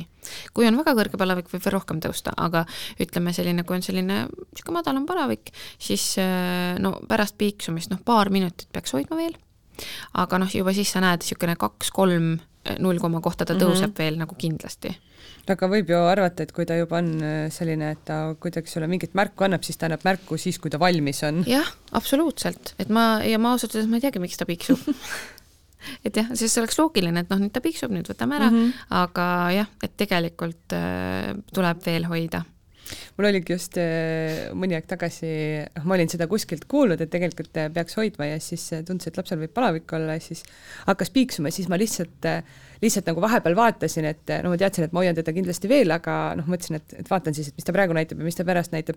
no ja siis oligi umbes nii, et kolmkümmend seitse, viis ja siis a la mingi kolm minutit hiljem näitas juba kolmkümmend kaheksa, seitse või noh oh,, mingi selline, no ikkagi nagu ta ikkagi põhimõtteliselt terve kraadi võrra veel mm., veel tõusis aga apteegist veel ma segasin sind kraadiklassi juures siis eks ju noh, eriti noh, ma praegu kuidagi olen väga sellise vastsündinu fookuses, aga mm, -hmm. aga miks ka mitte suurtega, just seesama, et esiteks oleks mingisugune antibakteriaalne salv, näiteks noh, Bepanteen salv, mis on, eks ju, hea igasuguste noh, kui on näiteks mäh-, mähkmelööve ja kõik sellised asjad, ma ei tea, värsketel emadel äh, imetamisest tekkinud haavandid mm, -hmm. et see sobib nagu igale poole selles mõttes äh,. suurematel lastel äh, ka mingisugused naha sellised inetud äh, sellised lööbed või asjad, et sobib täiesti nagu peale peale panna. Äh, siis äh, noh, okei okay,, selle inhalaatori ma eks ju ütlesin mm, -hmm. minul isiklikult on igal pool kaasas ka ninaaspiraator mm. -hmm. et jällegi seesama asi, et isegi kui minna maale vanaema juurde ainult kaheks päevaks, mina seda juhuse oleks ei jäta, ma võtan kogu selle apteegi kaasa, sest noh, elu on näidanud, et kui sa ei võta, siis ta jääb haigeks mm. -hmm, siis sul läheb seda vaja, on ju. jah, et ma jah, selles mõttes ei, et ta on ikkagi, ütleme mm, ehk siis suuremad lapsed, kes oskavad juba ise nuusata, nendel on okei okay., väga väikestel beebidel, selles mõttes, kui see tatt ise voolab sealt välja, siis absoluutselt sa ei pea nagu sekkuma mm -hmm. kohe. aga kui on ikkagi näha, et inimene ei saa hingata ja tal on need ninakarbikud nii täis ja ta ei saa seda sealt välja, no siis tuleb teda aidata ja selles mõttes, et üks asi on, eks ju, see läbiloputamine mm, -hmm. ka seesama humer sobib, see noh, mis on ka samamoodi see füsioloogiline mm -hmm. lahus äh, ja siis ikkagi see üleliigne sealt nagu ära võtta selle aspiraatoriga, on ka ju need tavalised, need äh, manuaalsed nii-öelda, kus mm -hmm. sa ise mhm. tõmbad seda sealt välja. et selles mõttes siis ikkagi nagu tuleb neid aidata. et seda ei ole, et, et mida rohkem ma seda tatti välja tõmban, seda rohkem seda tatti tuleb? jah, selles mõttes on see müüt, et äh, mina ka mingi aeg kuulsin seda, aga noh, see nii-öelda, et see loogika on seal taga loomulikult olemas, see, et igasugune äh, sekkumine näiteks ongi limaskest on õrn koht, et see sekkumine võib ajutiselt siis vaikselt seda kohta natukene ärritada mm -hmm. ja kahjustada selles mõttes, aga see ei ole nagu seotud selle nagu viirushaigusega, sellega, et nüüd kuidagi nüüd ma ei tea, ma võtan selle tati sealt ära ja nüüd mm -hmm. hakkab seda juurde ainult tulema, et selles mõttes ise see ei ole nagu tõsi. jaa, jah, et selles mõttes see nagu ei, ei ole tõsi. ja just jah, vastupidi, ja isegi kui seal on nagu see osa, et okei okay,, oletame, et seal noh, ma ei tea, et see ärritabki seda õrna limas kesta mm -hmm. ja see on nii-öelda ajutiselt lapsele natukene nii-öelda halb, jah, et siis tegelikult need plussid-miinused jälle, et see ei kaalu mm -hmm. üles seda kahju, mis tekib sellest, et kui me siis nii-öelda ei võta seda korralikult tühjaks, see on hästi hea pinnas nagu jälle bakterite vohamiseks mm, -hmm. et seal tekib pärast mingi tüsistus, mingisugune põskkopapõletik, et noh, see nagu ei ole seda väärt, et seesama need plussid-miinused, et kui see saadav potentsiaalne kahju on suurem kui mm -hmm. see või see noh, et selles mõttes jah, jälle nagu igal pool on need plussid-miinused nagu, et siis see pole nagu seda väärt mu laps äh, juba nüüd, kui näeb seda elektrilist äh, aspiraatorit, siis ta põhimõtteliselt hakkab juba karjuma ja siis äh, siis ma alati mõtlen, et okei okay,, nüüd ma pean teda kinni hoidma ja temaga võitlema nagu, et, et kas on seda vaja, aga siis jälle mõtled, et isse, et noh, et tal on ikka nii rõve ju olla ja siis noh, ongi see plussid-miinused käivad kogu aeg peas nagu ja, ja ja mida suuremaks ta saab, seda, seda jubedamaks see võitlus läheb, sest tal tuleb jõudu juurde. no minul on väga vedanud, mu vanem laps on selline hästi mõistlik, kui nii mm -hmm. võib mhm. öelda, kui ühe-kahese kohta nii võib öelda, et tõesti on, et kui sa seletad talle asjad ära, okei okay., et aga jah, ei taha, aga noh, ma ei tea, et, et selles mõttes, et ja jälle see on ka võib-olla üks osa, mis on lapsevanematel hästi raske, mis ongi raske. seesama asi, et lapsed ju ei taha neid asju teha mm. -hmm. aga, aga neid peab tegema ju. sest see ei ole selles mõttes, et see nii-öelda ka see turvaliseks täiskasvanu, täiskasvanuks olemine ongi see, et see nii-öelda et see austav vanemlus, see, et sa räägid, mis teda ees ootab. Mm, -hmm. selles mõttes, et ta ei saa valida, ta ei saa ju valida, kas ta on turvatoolis või ei ole, sest sinu kohus vanemana on otsustada, et on, mina vastutan selle lapse turvalisuse eest, samamoodi ka, eks ju, lapse tervise eest, et mina olen täiskasvanud inimene, mina otsustan, loomulikult sa räägid lapsele kõike ja isegi ongi, kui see talle ei meeldi, siis sa räägidki lõpmatuseni, miks on vaja seda teha, miks me seda teeme ja just ka seesama asi, et noh, ma tean, et osadel on niimoodi, et peres on kuidagi ära jaotatud, et ma ei tea, et siis mees hoiab kinni ja siis mina teen mm, -hmm. noh, et sest ja nii ongi. ega näiteks, kui me võtame need inhalatsioonid, samamoodi need aurud. kui sa teed tavalist füsioloogilist auru, noh, okei okay,, ta rabeleb, seal talle ei meeldi, okei okay,, aga oletame, et lapsel on näiteks äh, larüngiit, mis vajab juba selles mõttes seda adrenaliiniauru mm, -hmm. kui tal on mingisugused bronhiidid, kus ta põhimõtteliselt ainuke ravim ongi see, mida sa saad sisse hingata, inhaleerida no see peab ära tegema mm, -hmm. muidu mhm. noh, see ei lähe mitte kuhugi, selles mõttes, et lapsel on seda vaja, jah, talle ei meeldi see, tal on paha ja halb ja lapsevanemana on seda valus vaadata mm, -hmm. aga seda on vaja teha et ja siis ongi noh, meil lasteaias ka me soovitame alati näiteks lapsevanematel, kui sa teed ka auru või, või kui sa võtad välja, siis noh, eriti hea, kui sul ongi kaks täiskasvanut, on, et üks hoiab ja teine teeb, ongi see, et sa võtad lapse sülle ühe käega siis tema nagu käte pealt enda vastu nagu kaisu ja mm -hmm. teisega siis, siis niimoodi otsa eest ja hoiad niimoodi enda mm -hmm. vastas nagu kaisus ja siis teine siis äh, teeb kas siis seda auru või aspireerib mm -hmm. tatti välja. et äh, selles mõttes, et ühel päeval nad õnneks on nii suured, et nad nagu saavad aru ja mm, -hmm.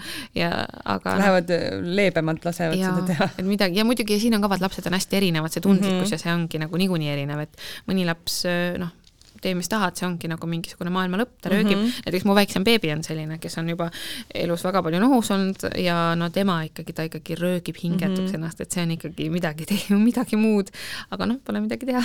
no mul viimased korrad on äh, selle nina põestamisega ongi niimoodi, et äh, läheb kisaks ja siis mm. juba vaatad, et hakkab näost siniseks minema, siis ja siis okei okay,, rahuneb maha ja siis ikkagi tuleb Nad on ikka äh, väga visad selles mõttes.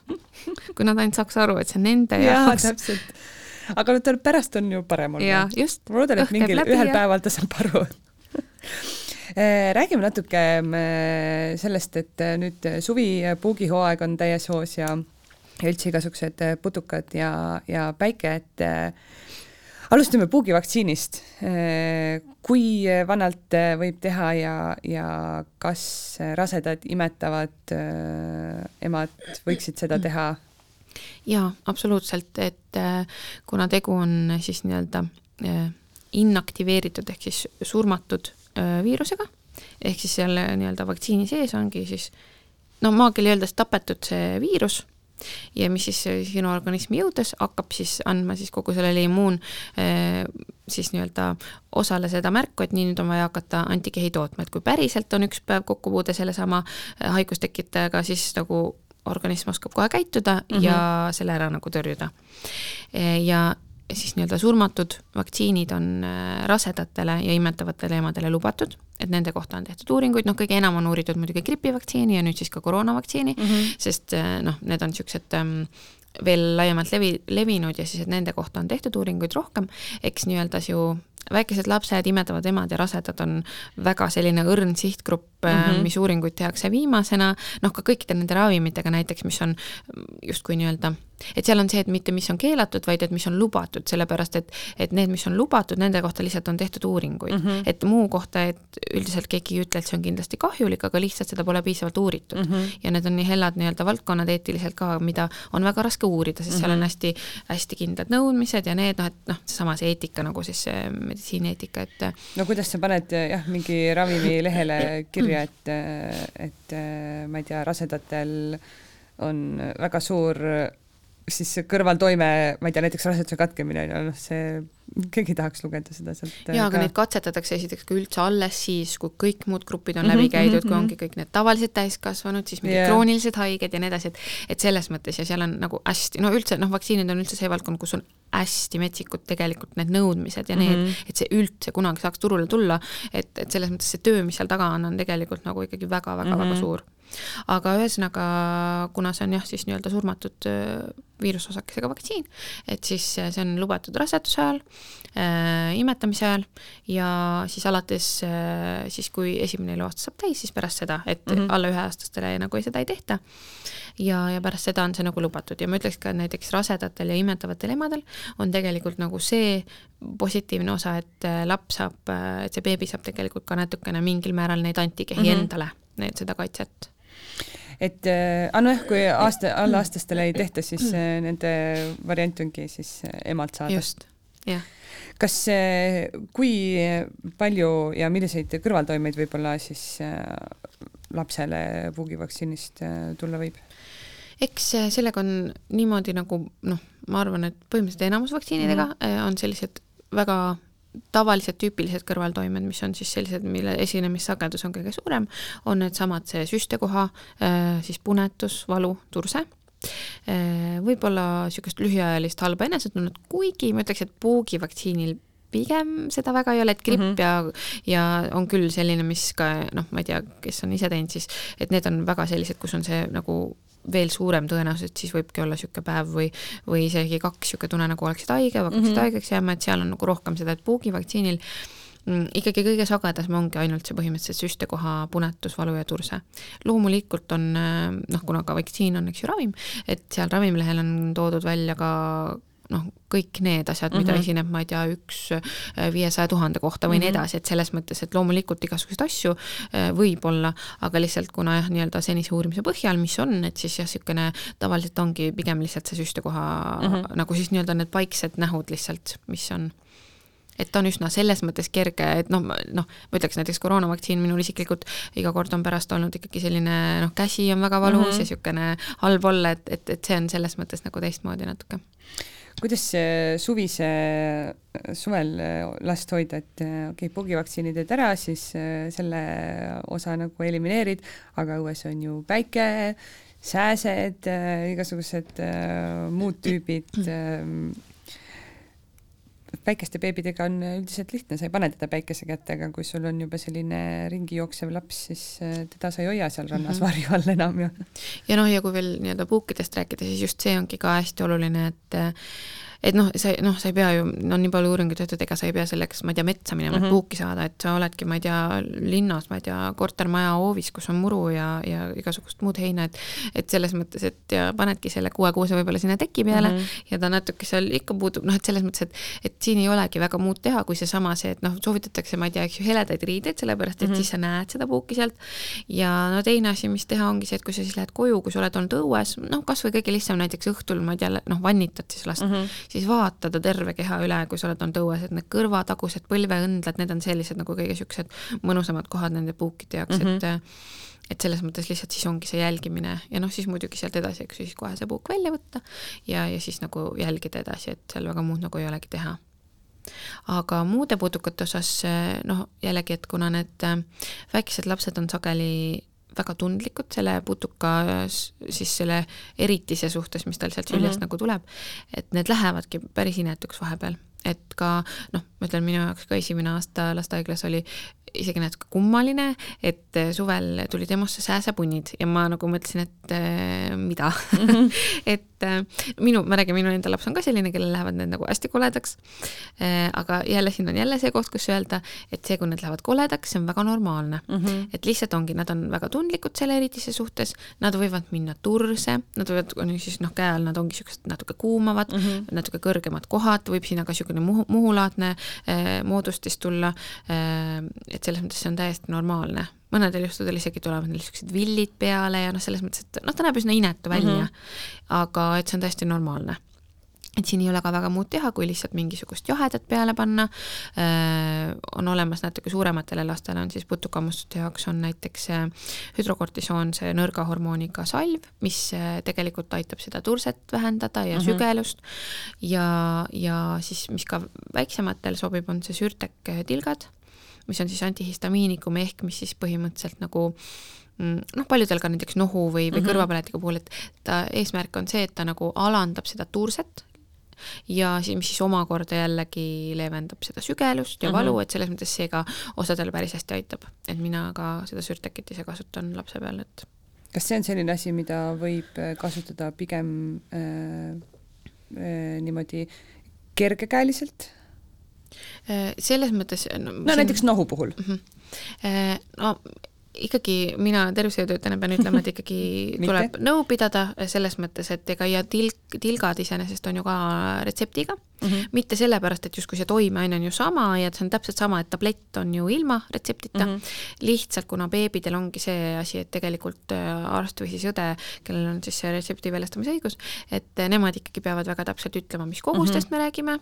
Äh, ja siis sealt edasi küll jah, on see, et eks ju, kui on olnud mingi niisugune nohu, sinu lapsel on sellest, on tabi, sa oled, eks ju, sul siis kas pereõde või, või arst on selle kirjutanud, siis edaspidi jah, sa nagu siis selles mõttes ju tead, loomulikult siis ka sa võid mm, -hmm. eks ju, konsulteerida, aga kui see näiteks sinu sinul aitab ja sa tead, need kogused on õiged ja nii, et siis jah, aga selles mõttes, et see nii-öelda eriti see esmane, et see peab ikkagi olema äh, ikkagi konsulteeritud spetsialistiga mm -hmm. ja siis tema ütleb nagu kuidas ja, ja, ja kõigil see ka selles mõttes ei aita, et on tehtud uuringuid näiteks, et äh, väga väikestel, selline niisugune seal vist alla kolme, et, et see, kuna nii-öelda nende kogu see immuunsüsteem ja kõik see on nii erinev ja see ei ole veel nii välja kujunenud, siis mõndadel see nagu ei toimi selliselt kui näiteks vanemana mm. -hmm. et, et selles mõttes mõnel beebil see võib-olla nagu ei aita eriti.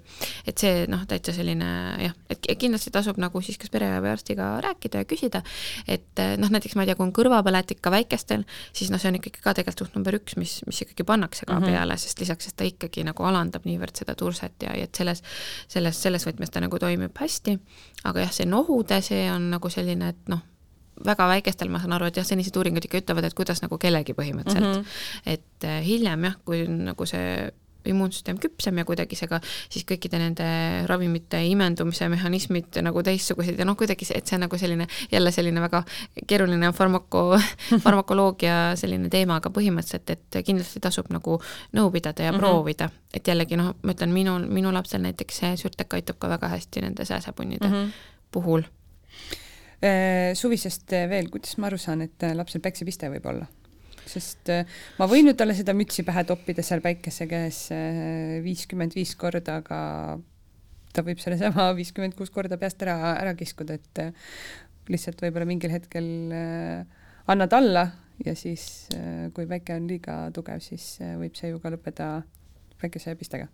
Need on ka sellised üldised nähud jällegi, et mis võib-olla alguses ongi raske otseselt näppu peale panna, et kas nüüd ma ei tea, kas tegu on lihtsalt mingi viirusega, kas mm -hmm. on mhm. mingi kõhuviirus, sest noh, need üldised nähud on ikkagi needsamad, et võib, eks ju, kehatemperatuur võib tõusta, ta võib oksendama hakata, ta on loid, et noh, kõik sellised üldised nagu asjad, lihtsalt mm -hmm. see, lihtsalt siis sealjuures on see ise, et sa tead, et okei okay,, et me olime nagu päikese käes päris palju ja noh, et äkki nagu see, kui, kui sa nagu selles hetkes avastad, eks ju, et nüüd on midagi valesti, et sa oledki lapsega päikese käes, ma ei tea, ta hakkab järsku oksendama, ta on hästi loid, ütleb, et tal on paha olla, noh, number üks ongi, eks ju, sealt päikse käest ära minna, kuhugi jahedasse, vaadata, kas siis noh, idee poolest noh, ma ei tea, eks ju, kuidas lapsega, aga noh, ütleme siis peakski kas istuma või pikutama korraks mm, -hmm. et mhm. vaatama, et, et üldiselt, kui sellest nii-öelda keskkonnast ära saab, siis juba, juba võib see esmane see nagu hakata lahenema, sest üldiselt nad ikkagi mm, on sellised natukene kergemad alguses mm -hmm. need, et äh, muidugi teine asi, eks ju, kui sa lähed juba koju, kõik on justkui hästi, sa tead, et olite päeval rannas ja noh, siis näiteks õhtul laps hakkab oksendama, kaebab ka mingisugust peavalu,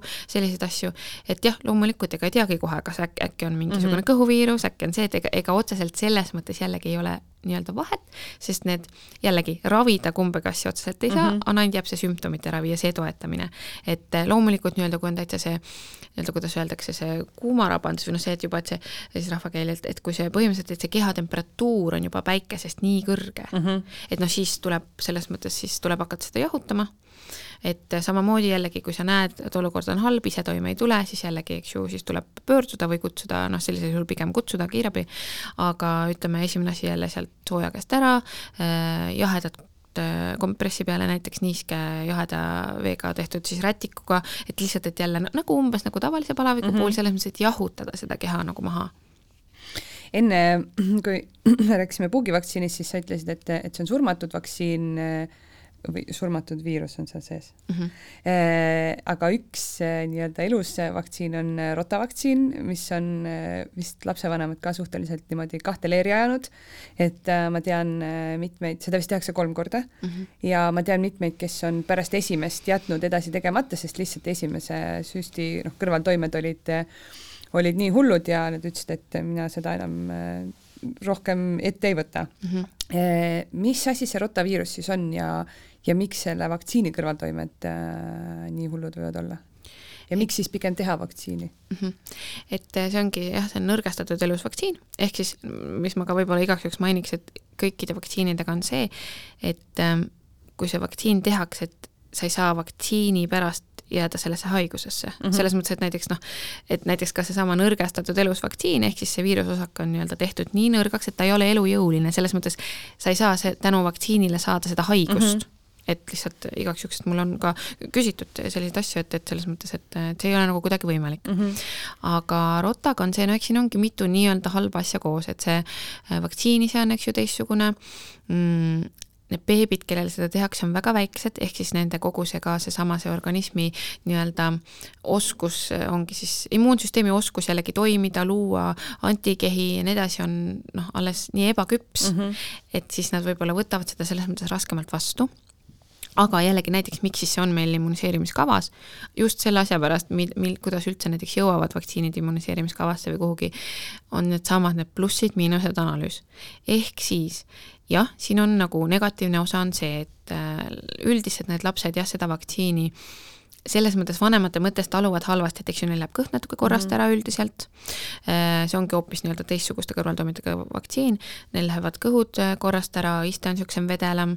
Äh, nad on võib-olla noh, kuna nad on nii väiksed, eks ju, nad otseselt kaevata ei oska, aga nad on võib-olla rahutumad ja mitte, eks ju, ainult kaks-kolm päeva, see võib kesta mitu nädalat ja see ongi nagu halb ja raske lapsevanema jaoks, aga teisest küljest lihtsalt nii-öelda need kahjud sellest, kui see väike beebi saaks selle päris rotaviiruse, on lihtsalt hullemad kui see mm, -hmm. et sa nüüd need, et ma tean, minu enda mõlemal lapsel on ka äh, need kõrvaltoimed selles mõttes üsna mõjutanud ja oligi raske ja halb, aga ma nagu lihtsalt, kuna minul on nii-öelda see osa, et mina ise olen neid rotabeebisid nii-öelda tilgutanud haiglas mm, -hmm ja mina ei taha enda lapsele seda, mina ei taha enda lapsega seal haiglas sellega olla, et siis minu jaoks on nagu see eriti selge see, see noh, plussid-miinused, et ma kannatan selle natuke ära mm, -hmm. aga mina ei taha temaga sinna haiglasse tilguti alla minna, et sest noh, ja, ja nad ikkagi need ja miks see üldse, eks ju, jõudis sinna immuniseerimiskavasse, sama asi, et need et see, kuidas nii väiksed lapsed seda rotaviiruse haigust nagu taluvad, on nii raske, nad ikkagi mm -hmm. on mitu päeva haiglas. Ähm, neil on nii paha ja raske olla, et, et selles mõttes ja just sellepärast ongi tulnud see vaktsiin, et see hoiab ikkagi neid raskeid haigusjuhtumeid niivõrd palju ära mm. -hmm. miks näiteks jällegi, eks ju, peab siis kolm korda andma, on sama asi, et, et see, nende immuunsüsteem on nii ebaküps, et nad vajavad rohkemat kokkupuudet selle, et nad ei suuda kohe, vaat kui meie täiskasvanutel mõne vaktsiiniga on see, noh, saadki ühe korra, on ju, mhm. piisabki, ma ei tea, kümneks aastaks, sest su keha on niivõrd selles mõttes nagu tark, et ta oskab kohe nagu niimoodi toimetada, aga see noh, nad on nii õrnad ja, ja väiksed alles, et nad ei oska nagu kohe hakata nii-öelda niimoodi toimima mm, -hmm. aga mhm. samas sa ei saa nii, nii palju korraga anda, on ju. just, ja samas on nagu, või, või et ta vajabki näiteks mitmekordset nagu kokkupuudet mm. -hmm. ja samas on ka see, et me ei saa jätta seda nagu hilisemaks, sest jälle sama, et tõenduspõhine kirjandus ütleb, et need kõige raskemad ja eluohtlikumad juhud eh, on ikkagi sellises vanuses, et siis oleks juba näiteks hilja teha natuke mm -hmm. seda mhm. vaktsiini. et sellepärast peabki, et see kõik on ju jällegi, see kõik on niivõrd läbi mõeldud, arvutatud, eh, kontrollitud, see, et kunas, kuidas oleks kõige optimaalsem, kuidas neid nii-öelda äh, plussid-miinused mm -hmm. nagu üksteist ära nagu kompenseeriks, et sellepärast nagu ongi see seal ja nii vara ja muidugi ma tean ka ise, et kui on ikkagi nagu väga rasked need kõrvalmõjud, et siis ka ikkagi vahepeal vaadatakse ja võib-olla natuke venitatakse seda vahet ja kuidagi mm, -hmm. et pereõed tavaliselt ikka nagu küsivad selle kohta ja, et siis saab nagu natuke selles mõttes seda vahet nagu venitada, aga jah, et selles mõttes, et, et ma olen nõus, et see on üks vaktsiin, millel on niisugused äh, väga sagedased kõrvaltoimed mm -hmm. ja mitte meeldivad, eriti kui sul ongi niikuinii, ma ei tea, laste, lapsel näiteks, lapsel on näiteks mingid gaasiprobleemid, et siis mm -hmm. ja siis justkui natuke on parem ja nüüd jälle see pauk ja siis siis ta on jälle nädal aega süline või et see, ongi väga raske, aga lihtsalt ma ütlen, et see see hetk, kui, kui siis ikkagi näiteks lapsel on päris see rotaviirus sellel nii väiksel inimesel, siis noh, see on kohutav nagu mm, -hmm. et, et jah kas siis, kui lapsel mitte ühegi vaktsiiniga mitte ühtegi kõrvaltoimet pole, kas ta on imelik siis ei, absoluutselt ja ei peagi olema, mõnel täiskasvanul ka ei ole mm. -hmm. et äh, see on normaalne, lihtsalt meie organismid toimivadki täiesti erinevalt ja ega ka tegelikult nii-öelda see immuunsuse teke, see, et see nii-öelda siis see immuunvastus on selle nimi, see, et kui, kui ma ei tea, et kui valmis siis su keha nii-öelda on, et kui see päris haigus tuleb, et siis ta kohe hakkab sind kaitsma, et noh, vaktsiinidel arvestatakse seda nii-öelda seda kaitseefektiivsust, ehk siis mis noh, ja see on tavaliselt vaktsiinidel mingi selline üheksakümmend no, noh, kõrge, muidu mm -hmm. neid nagu ei kasutataks, mis ei tähenda, et mõnel inimesel näiteks lihtsalt ei tekigi, tal mm -hmm. näiteks ei olegi mingi selle, no tal ei tekigi immuunvastust, ta on näiteks mitu vaktsiini saanud, tal ei tule mitte midagi. ja ka see, et nii-öelda, kui me võtame erinevad inimesed, näiteks ütleme ja mõõdame siis nende antikehade hulka mingi, ma ei tea, kolme aasta pärast, siis no ühel on see niisugune number, teisel on hoopis midagi mm -hmm. muud, et me oleme selles mõttes ikkagi nii erinevad nagu. okei okay. ähm,. vitamiinide andmisest lapsele äh, väikesest peale hakat-, hakatakse ju, sünnist peale tähendab, hakkad andma lapsele D-vitamiini. miks seda anda tuleb, kui kaua seda anda tuleb ja mis siis saab, kui seda ei anna? D-vitamiin ongi jällegi tänasel, tänaseks päevaks on teadusuuringutega jõutud sinna, et, et see on oluline ja vajalik. tänu sellele on näiteks peaaegu jäänud minevikku selline nii-öelda kuidas ma ütlen, et äh, lastel, eks ju, on need luud äh, ja liikesed hästi õnnad ja arenemisjärgus ja nad vajavad nagu sellist lisatuge mm. -hmm. siin on ka see, et alates siis teisest elunädalast ehk siis seitsmendast päevast peaks hakkama andma lastele seda D-vitamiini. Ja selles mõttes, et, ähm, et ta ikkagi niivõrd palju toetab seda laste luid äh, ja immuunsust, et, äh, et tänasel päeval ei ole enam sellist, selliseid nii-öelda kuidas ma ütlen, selliseid lastehaigusi, mis näiteks vanasti olid tänu sellele, et need luud on nii hõredad mm, -hmm. et, et selles mõttes, et me oleme saanud nii palju sellega välja juurida, et me juba nii varasest ajast äh, toetame seda immuunsust selliselt, et äh, meil ei ole enam selliseid kroonilisi äh, lastehaiguseid ja mm -hmm. mis on siis need, ongi nendest luu hõrenemistest, et ähm, selles mõttes see on vajalik immuunsuse ja luude jaoks siis ja kui kaua seda või noh, ega täiskasvanuna ise samamoodi võtad? Siin ei ole selles mõttes jah, sellist ülemist piiri, et nüüd viieaastaselt lõpetan ära. ja, ja et jah, just see, et kui, eks ju, meie kliimas täiskasvanud peaksid ka vähemalt siis selle sügistalvisel perioodil võtma D-vitamiini, et siis eh, noh, julgelt need esimesed noh, ma ei tea, jah, ega siin ei ole jah, ma isegi ei tea, kas on mingit sellist piiri, kus mm -hmm. enam mhm. võiks nagu, et ikka võiks nagu anda, aga jah, aga väga oluline on see just ikkagi nagu esimesel eluaastal, et äh, siis, kui see alles nagu kujuneb välja kõik see organism üks eh, vitamiin, eh, mis ma olen kuulnud, et noh, kui, kui lapsel on mingi häda, siis lase kontrollida B kaksteist, et ma ei tea, laps ei maga, on tusane, noh, mis iganes, lase perearstil B kaksteist näitu kontrollida. mida see vitamiin teeb ja, ja kas on tõesti nii, et, et selle puudus võib tekitada hädasid seinast seina ja, ja kui selle näidu korda saab, siis imeväel laps hakkab magama. Äh, ma korra veel siia eelmise teema juurde mm, -hmm. see ma ennem, ma rääkisin, aga ma ei öelnud selle haiguse nime, mida ma mõtlesin, oli rahiit, ehk siis mis ongi siis nii-öelda jäänud nüüd unustuste hõlma rohkem mm -hmm. tänu D-vitamiinile, sest see rahiit on ainevahetushaigus, ongi, mis, mille, mida põhjustabki siis D-vitamiini puudus. et, et see nii-öelda mõjutabki siis, kus nii-öelda need laste luud ja liigesed jäävad kõik nagu äh, noh, selles mõttes, et organism ei tule nagu sellega toime mm, -hmm. et, et see ühesõnaga, seda enne tahtsin öelda.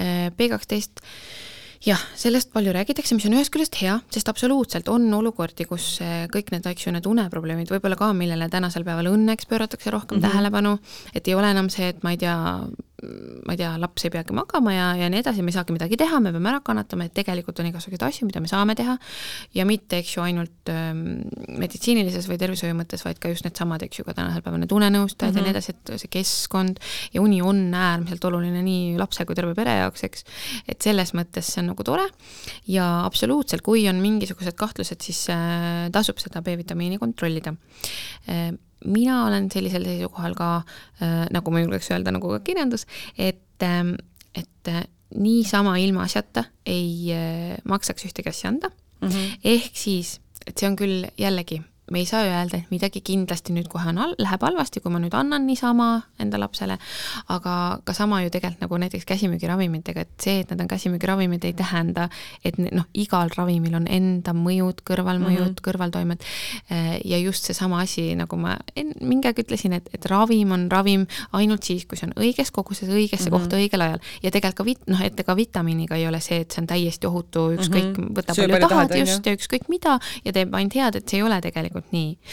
et äh, selles mõttes äh, mina ikka ka kindlasti pigem esimese asjana kontrolliksin, et B12 ka on siis lihtsalt, et ta töötab, nii-öelda toetabki siis seda närvisüsteemi, närvisüsteemi arengut ja mõningatel juhtudel tõesti see on madal, lapsed on äh, siis vast-, noh, siis beebid tavaliselt, eks ju, nad on sellised äh, rahutumad ja virilemad, nad ei maga, on võib-olla mingisuguseid lihaskrampe, tõmbluseid mm, -hmm. et äh, kindlasti selles mõttes tasub kontrollida ja see, ja sellest võib olla abi, aga ma just, ma ka olen võib-olla sotsiaalmeedias natuke näinud, kuidas see on võib-olla selline, et noh, seesama, eks ju, see uurimistöö, mis sa ise teed ja siis kuidagi noh, et noh, ma, ma annan ka, ma proovin seda, et ma annan mm -hmm. lapsele seda, et äkki nagu aitab.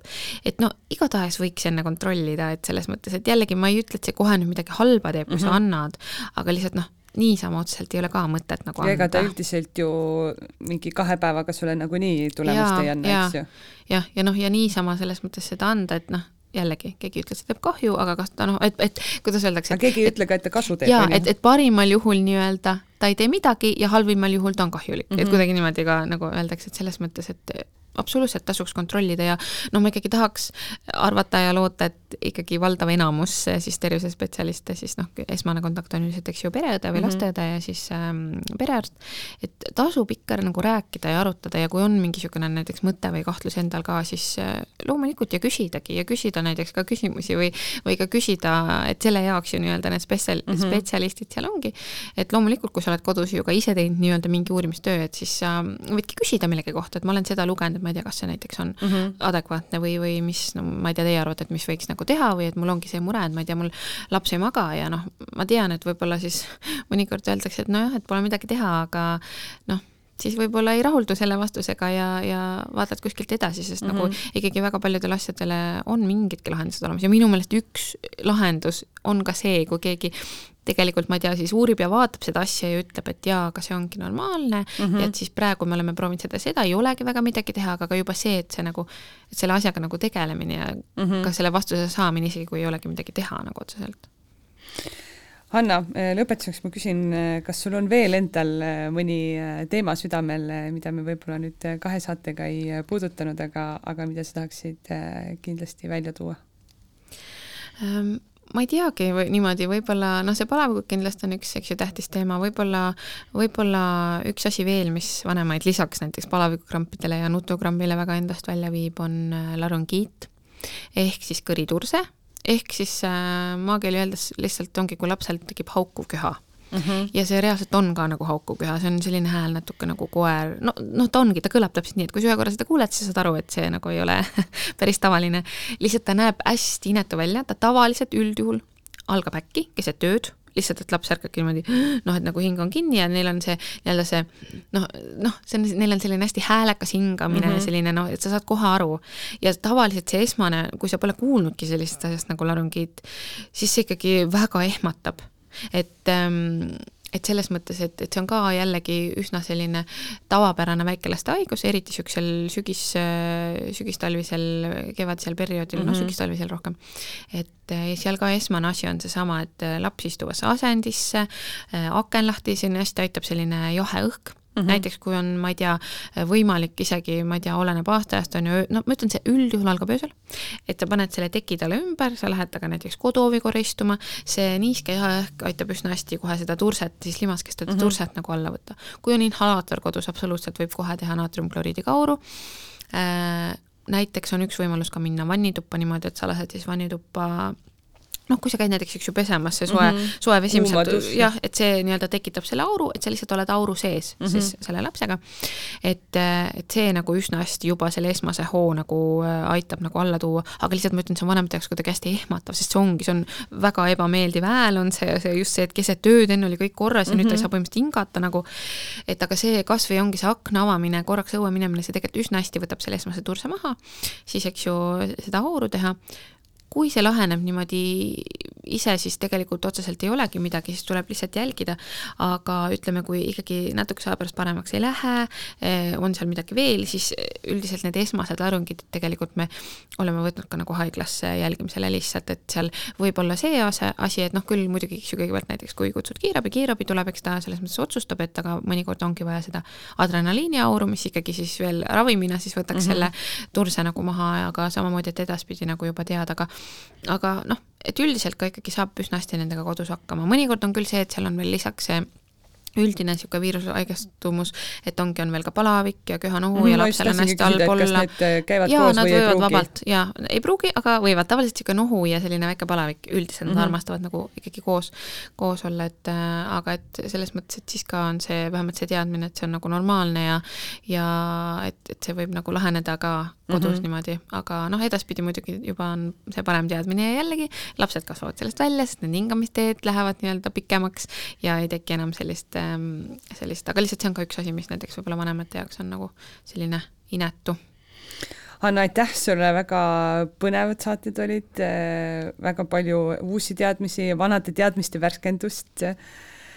Äh, ma loodan, et, et äh, sinu Instagrami jälgijad jälgivad sind edasi ja, ja sa annad ka neile sellist äh, edasi viitsid eh, teha seda, et, et anda neid teadmisi ja, ja jaksad kahe lapse kõrvalt. aitäh sulle, Hanna! aitäh! aitäh kuulamast! Kuula beebipalavikku üle nädala neljapäeviti Spotify'st, iTunes'ist või kust iganes oma podcast'id leiad